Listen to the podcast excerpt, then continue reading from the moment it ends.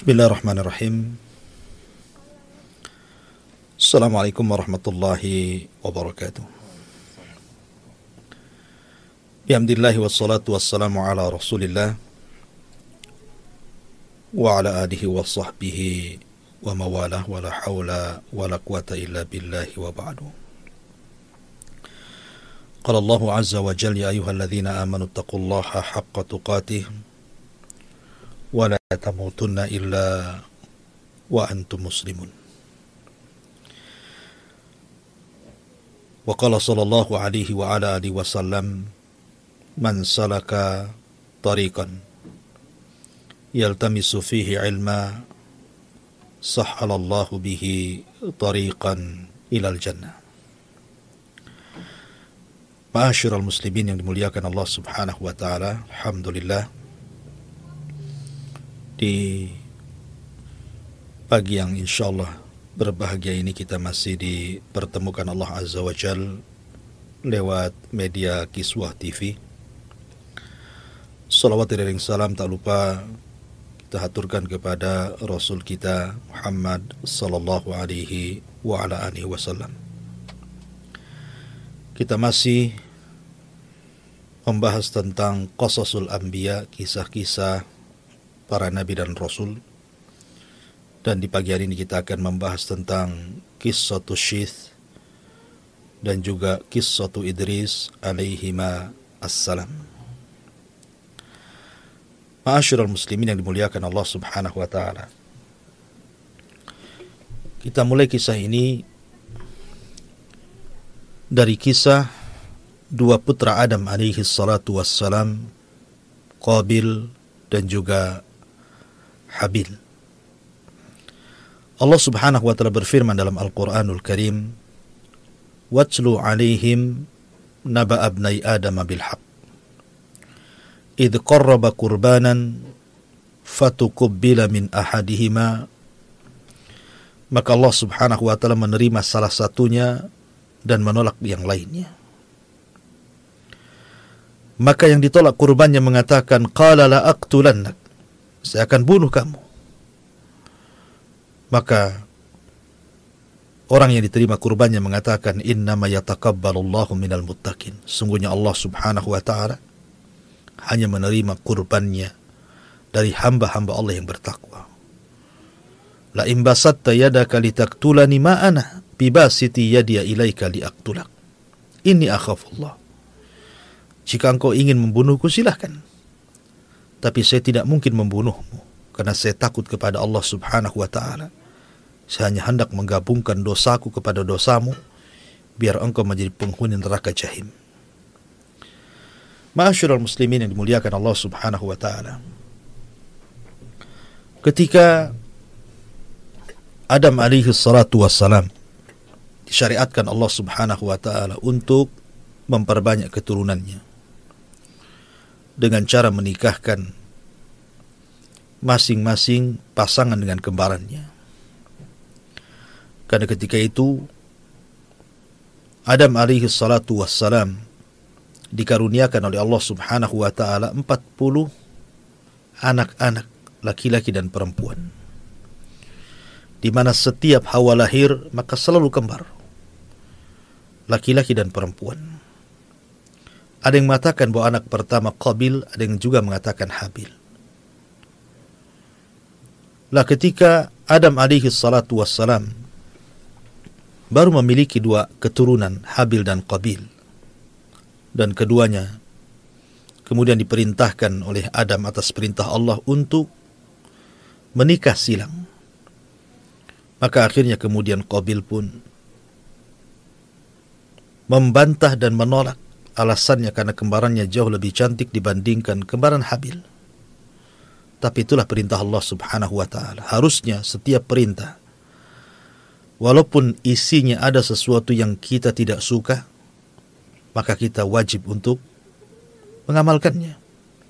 Karena bagaimanapun Allah berfirman, "Wa asa an takrahu syai'an wa huwa khairul lakum." Terkadang apa yang Anda anggap buruk rupanya sebuah kebaikan di hadapan Allah Azza wa Jalla. Tapi tentu berbeda dengan Qabil. Ketika itu syaitan yang memang sejak dulu ingin menyesatkan anak Adam karena dendam kesumatnya iblis terhadap Adam alaihi salatu wassalam dengan sebab itu dia dilaknat dan diusir dari sorga. Kemudian bersumpah untuk menyesatkan anak Adam, dia ada peluang. Ketika mereka tidak sanggup kemudian mencelakakan Adam alaihi salatu wassalam di bumi. Karena Adam alaihi salatu wassalam sudah menyelesali dosanya akibat perbuatannya di sorga. Maka iblis pun kemudian putus asa untuk menggoda Adam dan Hawa. Akhirnya diliriknya putra-putra Adam alaihi salatu wassalam. Dilihatnya ada kesempatan kepada Qabil. Maka syaitan pun berikan was-was kepada Qabil untuk jangan menerima syariat itu dengan alasannya kau akan mendapatkan yang buruk rupa dan meninggalkan yang cantik rupa. Dari situ akhirnya Qabil pun menolak. Lah kemudian Adam alaihi salatu wassalam memberikan syarat untuk keduanya berkurban siapa yang diterima kurbannya maka dia berhak mengambil pasangannya maka berkurbanlah keduanya yang satu dengan seekor kambing yang sangat sehat besar indah yang satu dengan buah-buahan tapi Allah Subhanahu wa taala menerima yang kurbannya dari binatang ternak kurbannya Habil karena keikhlasan dan ketakwaan kepada Allah Subhanahu wa taala dan Allah tolak kurbannya Qabil karena kurban didasari karena hasad. Akhirnya setelah kemudian Allah Subhanahu wa taala menerima korbannya Habil. Harusnya Habil berhak untuk mendapatkan kembaran Qabil. Tapi karena Qabil sudah hasad kemudian juga datang iblis memberikan was-was yang berakhir dengan pembunuhan Qabil terhadap Habil dan inilah pembunuhan pertama sepanjang umat manusia. Qabil membunuh Habil. Akhirnya kemudian setelah itu Qabil pun mengambil kembarannya kemudian berpisah dari kelompok Adam alaihi salatu wassalam yang berada di pegunungan. Dia memilih untuk tinggal di lembah. Nah setelah kemudian waktu pun berjalan, kemudian Qabil dan pasangannya pun memiliki keturunan, maka Adam alaihi salatu wassalam sangat menyesal sangat bersedih hati dengan kematian putranya Habil yang ketika itu memang mewarisi akhlak dan juga agama Nabi Adam alaihi salatu wassalam. Maka dia berdoa kepada Allah subhanahu wa ta'ala. Dari sinilah kemudian Allah subhanahu wa ta'ala anugerahkan kepada Adam alaihi salatu wassalam seorang nabi yang kita kenal dengan Nabiullah Syith alaihi salatu wassalam dalam bahasa Ibrahim uh, Ibraniyah bahwa syis itu artinya hibatullah. Hibatullah, pemberian Allah Subhanahu wa taala sebagai ganti kematian Habil. Ada yang mengatakan bahwa Syis anak ketiga Adam alaihi salatu wassalam dan juga kembarannya. Ma'asyiral muslimin yang dimuliakan Allah Subhanahu wa taala. Lah Nabi Allah Syith alaihi salatu wassalam dididik oleh Adam alaihi salatu wassalam betul-betul dengan didikan agama diarahkan dengan arahan-arahan baik diajarkan akhlak-akhlak mulia karena Adam alaihi salatu wassalam sudah melihat bagaimana salah satu putranya Qabil yang membelot dari ajarannya tapi ingat sekali lagi zaman itu belum ada penyimpangan akidah baru sebatas penyimpangan terhadap akhlak dan juga terjadi pembunuhan. Tapi mereka masih mentauhidkan Allah Azza wa Jal. Syith alaihi salatu wassalam dialah yang kemudian membimbing kaumnya Adam alaihi salatu wassalam menggantikan posisi ayahnya Adam alaihi salatu wassalam untuk membimbing umat ini. Lah ketika kerusakan yang luar biasa terjadi pada kabilahnya Qabil yang berada di lembah. Karena juga tidak ada seorang nabi yang diutus kepada mereka. Mereka menolak ajaran ayahnya Adam alaihi salatu wassalam. Maka anak keturunan dan kaumnya Qabil pun menjadi rusak. Bahkan di antara kemungkaran yang disebutkan oleh Abdullah bin Abbas radhiyallahu anhuma ketika mentafsirkan ayat wala tabarrujna tabarrujal jahiliyatil ula dan hendaklah seorang wanita jangan bersolek seperti bersoleknya wanita-wanita jahiliyah. Abdullah bin Abbas radhiyallahu anhu mentafsirkan bahwa salah satu tafsirnya mengatakan bahwa ayat ini isyarat kepada dua kaum di zaman Nabi Allah Adam alaihi salatu wassalam. Pertama kaum Adam alaihi salatu wassalam yang berada di perbukitan. Dan yang kedua kaumnya Qabil yang berada di lembah. Lah kaumnya Qabil yang ada di lembah ini rusak. Karena tidak ada yang menasihati mereka. Apalagi Mang Qabil sendiri. Akhlaknya tidak baik. Maka mulailah mereka tabarruj. Mereka suka bersolek. Kehidupan mereka rusak dan inilah awal tabarruz dalam umat manusia. Kaumnya Qabil. Mereka suka telanjang. Mereka suka menampakkan aurat. Berbeda dengan kaum Adam alaihi salatu wasalam yang dibimbing oleh Syith alaihi salatu wasalam yang berada di perbukitan. Mereka diarahkan untuk tidak tabarruj. Mereka diarahkan untuk menutup aurat mereka, berakhlak dengan akhlak yang baik dan diajarkan aturan-aturan agama dan ibadah kepada Allah Subhanahu wa taala. Sampai suatu ketika iblis melihat peluang lagi. Setelah meninggalnya Adam alaihi salatu wassalam, kemudian berkembangnya kaum Qabil itu, iblis datang menyerupai seseorang kemudian ingin bekerja di salah satu kebun dari salah satu kaumnya Qabil yang ada di lembah tadi. Kemudian mulailah iblis mengajarkan kepada mereka musik-musik dan juga lagu-lagu yang tidak ada faedahnya untuk memalingkan di jalan Allah Subhanahu wa taala. Maka diciptakanlah sebangsa seruling. Kemudian ditiupnya, makanya kemudian Nabi SAW mengatakan bahwa mizmar seruling itu adalah suara syaitan. Ya. Maka kemudian setelah mereka diajari musik-musik, suatu ketika mereka mengadakan id, perayaan. Kemudian mulailah mereka meniup seruling. Memulai mem memainkan musik dan inilah musik pertama yang terjadi di alam semesta. Lah rupanya suara musik itu lantang sampai kemudian terdengar ke perbukitan. Lah kaum Syith yang terdidik dalam akhlak. Kemudian mereka merasa bising dan penasaran. Akhirnya satu dua anak muda pun mengintai ada apa sebenarnya. Dan ketahuilah bahwa kata Abdullah bin Abbas radhiyallahu anhu bahwa perempuan kaumnya Qabil itu cantik-cantik. Tetapi laki-lakinya kurang tampan. Tetapi sebaliknya, kaumnya Syith alaihi salam, laki-lakinya tampan-tampan. Tetapi wanitanya kurang cantik. Maka ketika beberapa anak muda kemudian mengintai ada apa dan suara apa aneh. Mereka tidak pernah mendengar musik sebelumnya. Ketika dilihat kemudian ada pesta yang sangat besar dan laki-laki dari kaum Sis ini melihat kemolekan, kecantikan wanita-wanita kaum Qabil, akhirnya mereka tertarik dan menghabarkan kepada anak-anak muda yang lainnya. Setelah ceritakan akhirnya mulailah mereka turun. Kemudian mereka bertatap muka antara wanita-wanita kaum Qabil yang cantik-cantik dengan laki-laki kaum Sith yang tampan-tampan. Mulailah kemudian mereka saling menyukai, berikhtilat, dan berakhir dengan perzinahan. Dan inilah perzinahan pertama yang terjadi di alam semesta.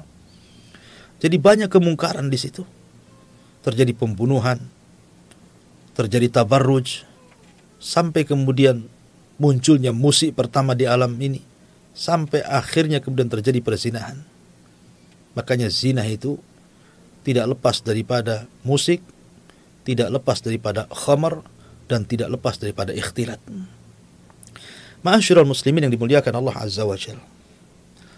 Maka semakin banyaklah anak-anak muda dari kaum sis yang kemudian bergabung melakukan maksiat dengan gadis-gadis kaumnya Qabil. Dan itu keberhasilan iblis karena kerusakan apa pun pasti di belakangnya iblis. Kerusakan apa pun. Makanya Allah Subhanahu wa taala berfirman dalam Al-Qur'anul Karim, "Wala tattabi khutuwati syaitan." Janganlah kalian mengikuti langkah-langkah syaitan. Karena syaitan itu dalam menggoda terkadang tidak langsung membuat langkah-langkah mulai dari yang kecil dan berakhir dengan yang besar. Lah Syis alaihi salatu wassalam diutus oleh Allah Subhanahu wa taala untuk menjadi pertama menjadi nabi pertama setelah Adam alaihi salatu wassalam. Lah Syis ini berusaha untuk mendakwai kaumnya. Karena bagaimanapun ada yang mengatakan bahwa Syis sebagai bentuk bahwa diangkat dia menjadi nabi dan rasul maka dalam sebuah hadis Nabi SAW mengatakan unzila ala syith khamsuna sahifatan. Diturunkan kepada Nabi Allah Syith 50 sahifah, lembaran yang isinya ajaran-ajaran kebaikan, yang isinya adalah ajaran-ajaran akhlak dan cara beribadah kepada Allah Subhanahu wa taala. Makanya sebelum Adam alaihi salatu wasallam meninggal dunia, ada mengajarkan Nabi Allah Syith tentang amalan-amalan kebaikan yang dilakukan di siang hari dan amalan-amalan kebaikan yang dilakukan di malam hari. Sampai akhirnya turun kepada Sith sahifah. Ada yang mengatakan bahwa Allah Subhanahu wa taala menurunkan kitab dari langit kepada para nabi dan rasul itu jumlahnya 104. Yang empat ma'ruf ada Taurat, ada Zabur, ada Injil, ada Al-Quran. Tetapi yang 100 ini tidak diketahui namanya hanya sekedar kalimatnya suhuf. Suhuf itu artinya lembaran-lembaran. Seperti Zabur sendiri sebenarnya lembaran-lembaran. Zabur itu kan tidak tebal. Hanya beberapa lembaran saja. Yang kemudian menjadi taronum, menjadi sebuah bait-bait syair yang kemudian selalu dilantunkan oleh Nabiullah Daud alaihi salatu wassalam sampai suaranya luar biasa. Karena Daud memiliki suara yang sangat indah sampai suaranya diikuti oleh gunung-gunung dan juga burung-burung. Nah sahifah itu lembaran-lembaran. Nah dari 100 lembaran itu 50 lembar diberikan kepada Nabi Allah Sis alaihi salatu wassalam. Kemudian yang 30 lembar nanti akan sampai kisahnya diberikan kepada Idris alaihi salatu wassalam.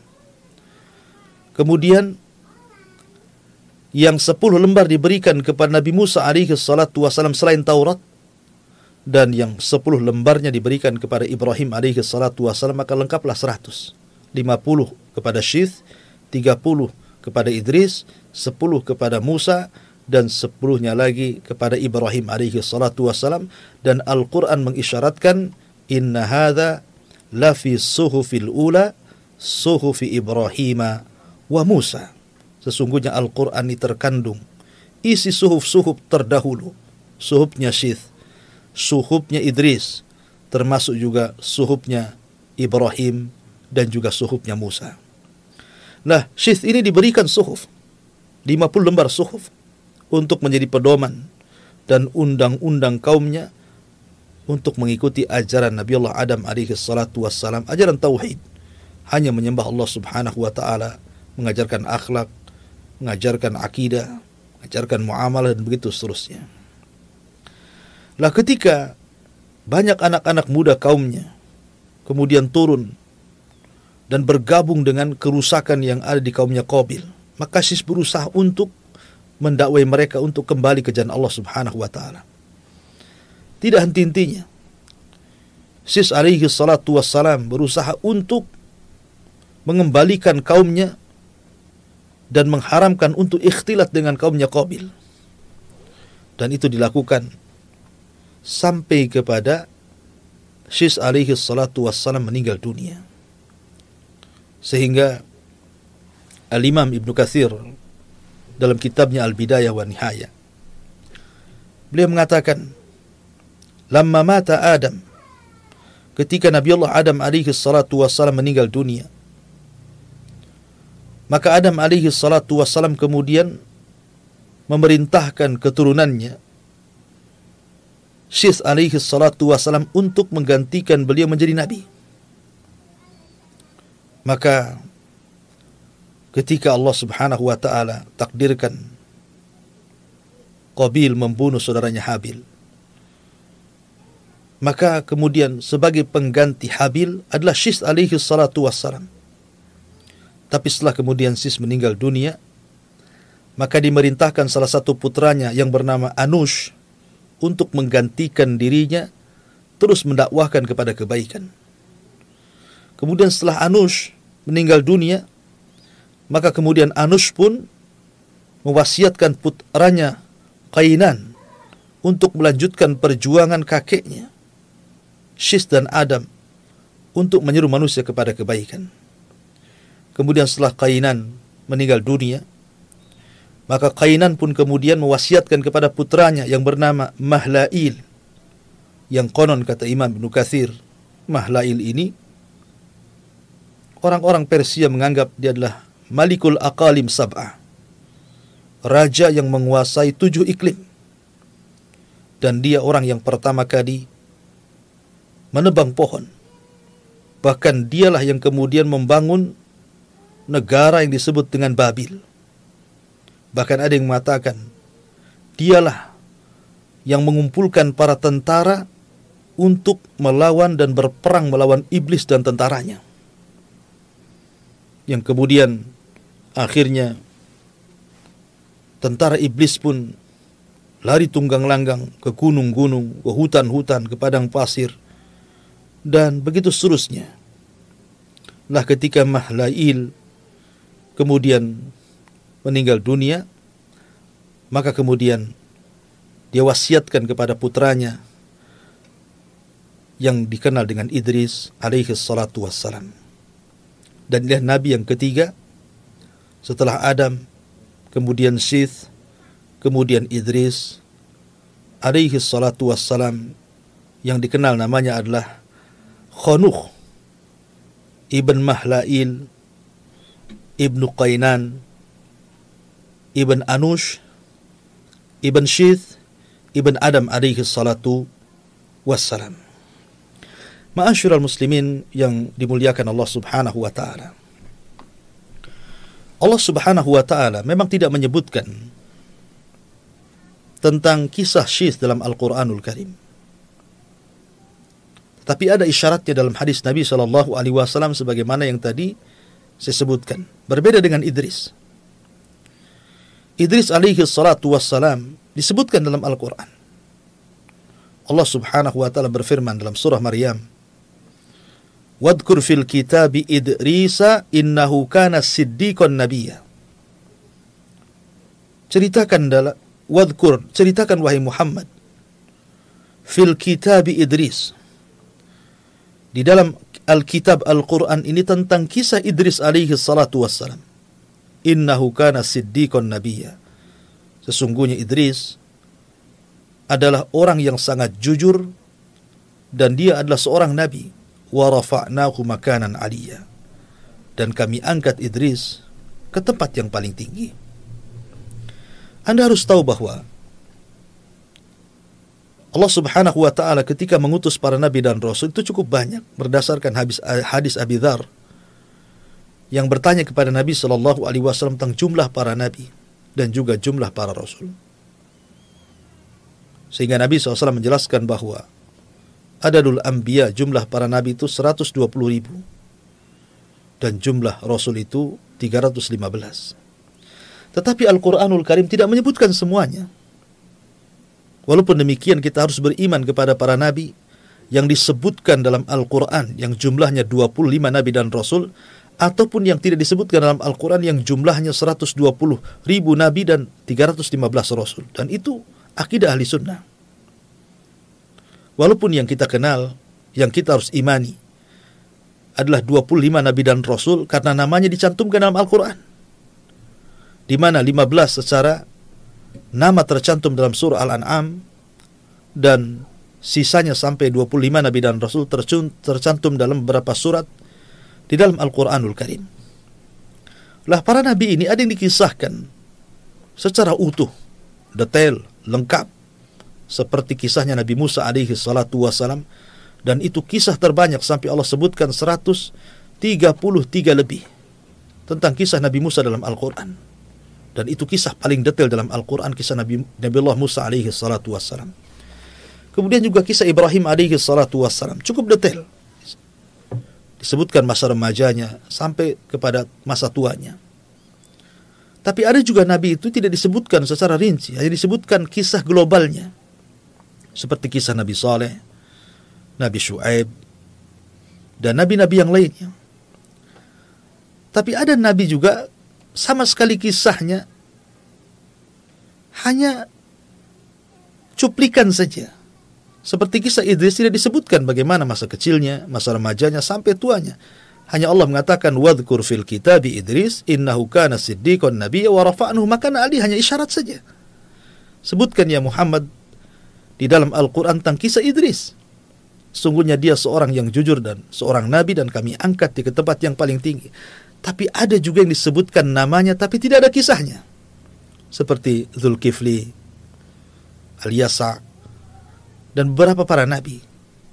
Walaupun demikian tetap kita mengacu kepada Al-Quran dan Sunnah yang sahih tentang kisah para nabi dan rasul walaupun disisipkan tentang kisah Israiliyat tentu kisah-kisah yang tidak bertentangan dengan Al-Quran dan Sunnah karena Nabi Shallallahu Alaihi Wasallam bersabda hadithu am bani Israel wala haraj ceritakan tentang kisah bani Israel dan itu tidak mengapa selama tidak bertentangan dengan Al-Quran dan sunnah.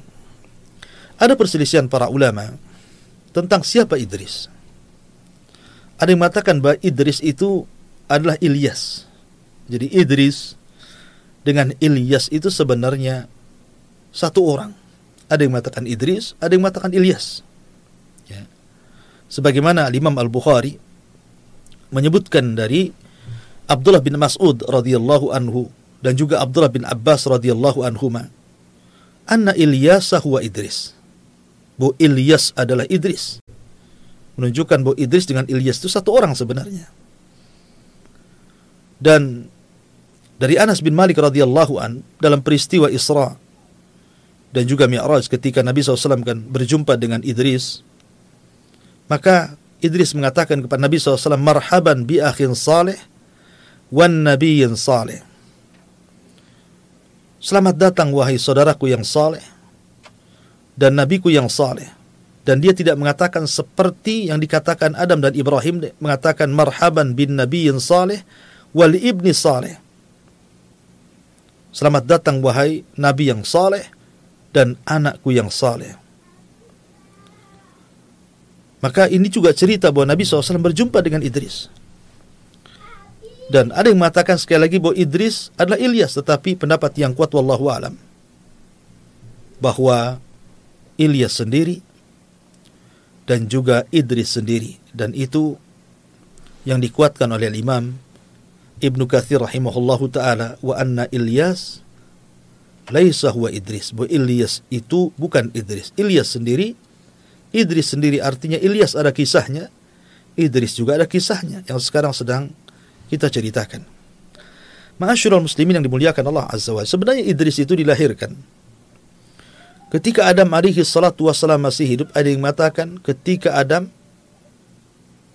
berusia cukup tua. Di mana Idris berjumpa dengan Adam itu sekitar 120 tahun sebelum meninggal Adam alaihi salatu wassalam. Ada yang mengatakan 308 sebelum meninggalnya Adam alaihi salatu wassalam Idris lahir. Artinya bahwa Idris masih berjumpa dengan Adam alaihi salatu wassalam. Karena Adam itu juga diberikan usia cukup panjang. Ada yang mengatakan usianya seribu tahun, tapi kemudian dikurangi menjadi 960 tahun karena yang 40 tahunnya diberikan kepada salah satu umatnya yang sangat menakjubkan Adam dalam mimpinya dialah Daud alaihi salatu wassalam nanti akan sampai kisahnya. Tapi yang jelas bahwa Nabiullah Idris alaihi salatu wassalam diberikan oleh Allah Subhanahu wa taala kecerdasan, maka disebut Idris dari kalimat dirasa. Karena di antara keistimewaan daripada Idris alaihi salatu wassalam di mana dia awal man khatta bil qalam. bahwa dia adalah nabi yang pertama kali mencatat dengan pena. Jadi dia orang yang pertama kali mencatat dengan pena. Dan juga diberikan ilmu yang luas dan luar biasa. Dia suka membaca. Lah Idris alaihi salatu wassalam ketika melihat kemungkaran dari kaumnya Qabil yang semakin hari semakin rusak kondisinya, maka Idris pun kemudian mulai mengumpulkan kaumnya, kemudian mengajak berjihad untuk menumpas kemungkaran yang ada pada kaumnya Qabil. Dan dialah Nabi yang pertama yang melakukan jihad, Nabi pertama yang menawan, dan Nabi pertama yang mengambil harta rampasan perang. Tetapi harta rampasan perang sejak zaman Idris alaihi salatu wasalam sampai Nabi Isa alaihi salatu wasalam belum dihalalkan. Jadi mereka hanya mengambil harta itu kemudian diserahkan kepada Allah Azza wa Jal dengan cara diletakkan di bukit-bukit dan gunung-gunung. Kemudian akan datang api yang menyambar. Kalau seandainya harta itu disambar api, dilahap api, kemudian hangus dan habis, menunjukkan jihadnya diterima. Artinya jihadnya karena Allah Subhanahu wa taala. Tapi kalau sebaliknya maka jihadnya masih dipertanyakan keikhlasannya. Tapi di zaman Nabi Shallallahu alaihi wasallam harta rampasan perang itu dihalalkan untuk dimanfaatkan. Maka Nabi sallallahu alaihi wasallam mengatakan wa uhillat liyal ghanaim dihalalkan kepadaku untuk memanfaatkan harta rampasan perang. Maka Nabi wasallam berhak mendapatkan seperlimanya dari harta rampasan perang, humus. Ma'asyiral muslimin, para pemirsa kiswah TV yang dimuliakan Allah Subhanahu wa taala. Maka Idris alaihi salatu wassalam berusaha untuk memperbaiki kondisi. Berjihad melawan kemungkaran. Dan siapa yang tidak ikut ajarannya ditangkap dan jadi tawanan. Dan hartanya dirampas.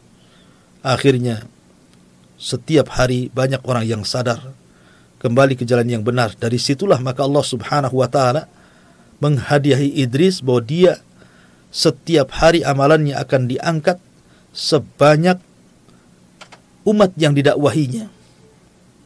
Maka Idris alaihi salatu wassalam pun kemudian meminta kepada Allah Subhanahu wa taala untuk ditangguhkan usianya setelah dia mendapatkan kabar dia mendapatkan pahala sebanyak kaumnya kebaikan kaum yang dakwahinya maka dia ingin diperpanjang usianya supaya makin banyak lagi kebaikan yang akan diangkat ke hadapan Allah Subhanahu wa taala. Ada juga kisah tentang kematian Idris alaihi salatu wassalam. Ketika Allah Subhanahu wa taala berfirman wa rafa'nahu makanan aliyya, kami angkat Idris ke tempat yang tinggi. Maka ada kisah Israiliyat bahwa ketika Idris alaihi salatu wassalam sebagaimana dikatakan oleh Ka'ab al-Akhbar ketika Allah Subhanahu wa taala mewahyukan kepadanya bahwa dia akan mengangkat setiap hari pahala seluruh amalan Bani Adam. Kemudian Idris pun berdoa kepada Allah Azza wa Jal untuk ditangguhkan usianya agar jangan cepat diwafatkan. Berjumpalah Idris dengan malaikat Jibril. Kemudian dia meminta kepada Jibril untuk dipertemukan dengan malakul maut. Maksudnya supaya Idris bernego dengan malakul maut agar jangan dulu dicabut nyawanya dan agar ditangguhkan usianya. Maka kemudian Iblis pun diangkat oleh Jibril ke langit. Kemudian sesampainya di langit yang keempat, tiba-tiba malakul maut sudah menunggu di situ. Jibril pun heran kenapa malaikat maut sudah ada di situ. Maka Jibril bertanya, kenapa engkau sudah di sini? Maka malakul maut mengatakan bahwa Allah memerintahkan aku untuk mencabut nyawa seorang manusia di langit ini. Aku pun heran, mana ada manusia di sini? Rupanya di situ ada Idris yang dibawa oleh Jibril. Subhanallah. Idris ingin meminta tangguhan usia sementara malakul maut diperintahkan Allah untuk mencabut nyawa Idris. Itulah kematian. Apabila datang kematian, maka tidak ada yang mampu mencegahnya. Walaupun kita berusaha untuk membentengi diri kita, rumah kita, tetap saja. Walau kuntum fi burujim musayyadah, aina ma yudrikumul maut, walau kuntum fi burujim musayyadah. Di mana pun kau berada, kematian itu pasti akan menjemput dirimu, walaupun kau bentengi rumahmu, dirimu, dengan apa pun benteng tetap saja kematian itu akan menjemput siapa pun kalau sudah datang takdirnya la yastakhiruna sa'atan wa la yastaqdimun tidak mungkin mundur tidak mungkin maju. Kullu nafsin dha'iqatul maut, setiap jiwa pasti akan mati. Ada yang mengatakan seperti itu bahwa Idris meninggal di langit keempat. Dan itu makna ayat wa rafa'nahu makanan aliyah dan kami angkat Idris ke tempat yang tinggi. Tapi ini kisah Israiliyat. Tapi ada juga yang mengatakan bahwa Idris tidak meninggal di langit. Idris meninggal di bumi. Karena semua manusia meninggal di bumi sebagaimana Adam alaihi salatu wassalam diturunkan dari sorga supaya dia meninggal di bumi. Adapun Isa alaihi salatu wassalam diangkat ke langit. Dia akan diturunkan kembali di akhir zaman dan akan meninggal di bumi. Jadi semua manusia akan meninggal di bumi. Tidak ada satupun manusia akan meninggal di langit. Tapi ini masalah khilaf para ulama. Tapi yang jelas bahwa kisah Nabi Syith dan kisah Nabi Idris alaihi salatu wassalam kedua nabi ini berusaha untuk memperbaiki kaumnya. Memperbaiki bagaimana umatnya kembali ke jalan Allah Subhanahu wa taala. Namun perlu dicatat bahwa di zaman itu belum ada penyimpangan akidah sama sekali. Belum ada. Jadi penyimpangan mereka itu hanya melakukan dosa besar, pembunuhan, kemudian perzinahan, kemudian munculnya alat-alat musik, ya, kemudian juga menampakkan aurat ikhtilat dan yang semacamnya. Tapi mereka semua masih mentauhidkan Allah baik kaumnya Qabil ataupun kaumnya Sis alaihi salatu wassalam. Sampai pada waktunya ketika Idris alaihi salatu wassalam meninggal dunia. Dan Idris ajarannya masih dipegang oleh anak turunannya. Sampai kepada ada satu keluarga yang disebut dengan keluarga Wud atau Quran menyebutnya Wad memiliki beberapa anak. Ada Yagus, ada Ya'ub, ada Nasr yang disebutkan di dalam surah Nuh. La tadarunna waddan wala suwa'an wala yaghutha wa ya'uqa wa nasra. Jadi keluarga Wud ini adalah umatnya Idris alaihi salatu wassalam yang paling soleh yang tersisa kala itu. Baik, dermawan, cerdas, saleh, dicintai umatnya, Sampai akhirnya kemudian Wud pun meninggal dunia. Kemudian digantikan oleh Yahus, digantikan oleh Ya'uk, digantikan oleh Nasr. Akhirnya semua anak-anaknya juga meninggal dunia sehingga hilanglah kedua. Hilanglah percontohan yang baik. Mulailah akhirnya setan datang kembali. Membisikkan kepada generasi pertama yang merupakan murid-muridnya keluarga Wood dan mengatakan, kenapa kalian tidak membuat patung? Ambil batu, kemudian pahat, buat semacam berhala, ya, gambarlah mereka supaya kalian diingatkan dengan kebaikannya. Maka mulailah generasi pertama mereka membuat patung dan inilah pembuatan patung pertama, tapi belum disembah. Kemudian datang generasi kedua. Kata setan, kenapa kalian tidak memproduksi banyak-banyak? Letakkan di rumah-rumah kalian. Supaya tidak ada satu rumah pun kecuali ada patungnya orang soleh. Buatlah patung yang sedang sujud, yang sedang sujud, yang sedang ruku, yang sedang bersedekah supaya kalian terangsang untuk melakukan ibadah. Sampai datang generasi ketiga, keempat yang tidak mengetahui kenapa generasi pertama buat patung. Akhirnya kemudian setan pun mendatangi mereka dan mengatakan, aku hidup di zaman bapak dan kakek kalian, sesungguhnya mereka membuat patung ini agar kalian menyembahnya. Maka terjadilah kesyirikan pertama setelah Idris alaihi salatu wasalam. Itu pun setelah asyratu kurun setelah sepuluh seribu tahun dari zaman Adam alaihi salatu wassalam sampai akhirnya diutus kepada mereka seorang nabi yang merupakan rasul pertama di dunia Nabi Nuh alaihi salatu wassalam dan nanti akan kisahnya karena Nuh ini cukup panjang kisahnya.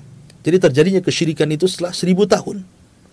Ya setelah Idris alaihi salatu wassalam meninggal dunia, kemudian muncul murid-muridnya murid-muridnya memiliki murid-muridnya lagi sampai akhirnya kepada keluarga Wud lah inilah orang soleh terakhir yang meninggal yang akhirnya kemudian dibuat patung dan berhala, kemudian generasi setelahnya menyembahnya, dan inilah kesyirikan pertama yang terjadi di alam semesta sampai diutus kepada mereka Nabi Allah Nuh alaihi salatu wassalam. Wallahu alam bisawab. Ini di antara kisah Nabi Allah Syith dan juga Idris alaihi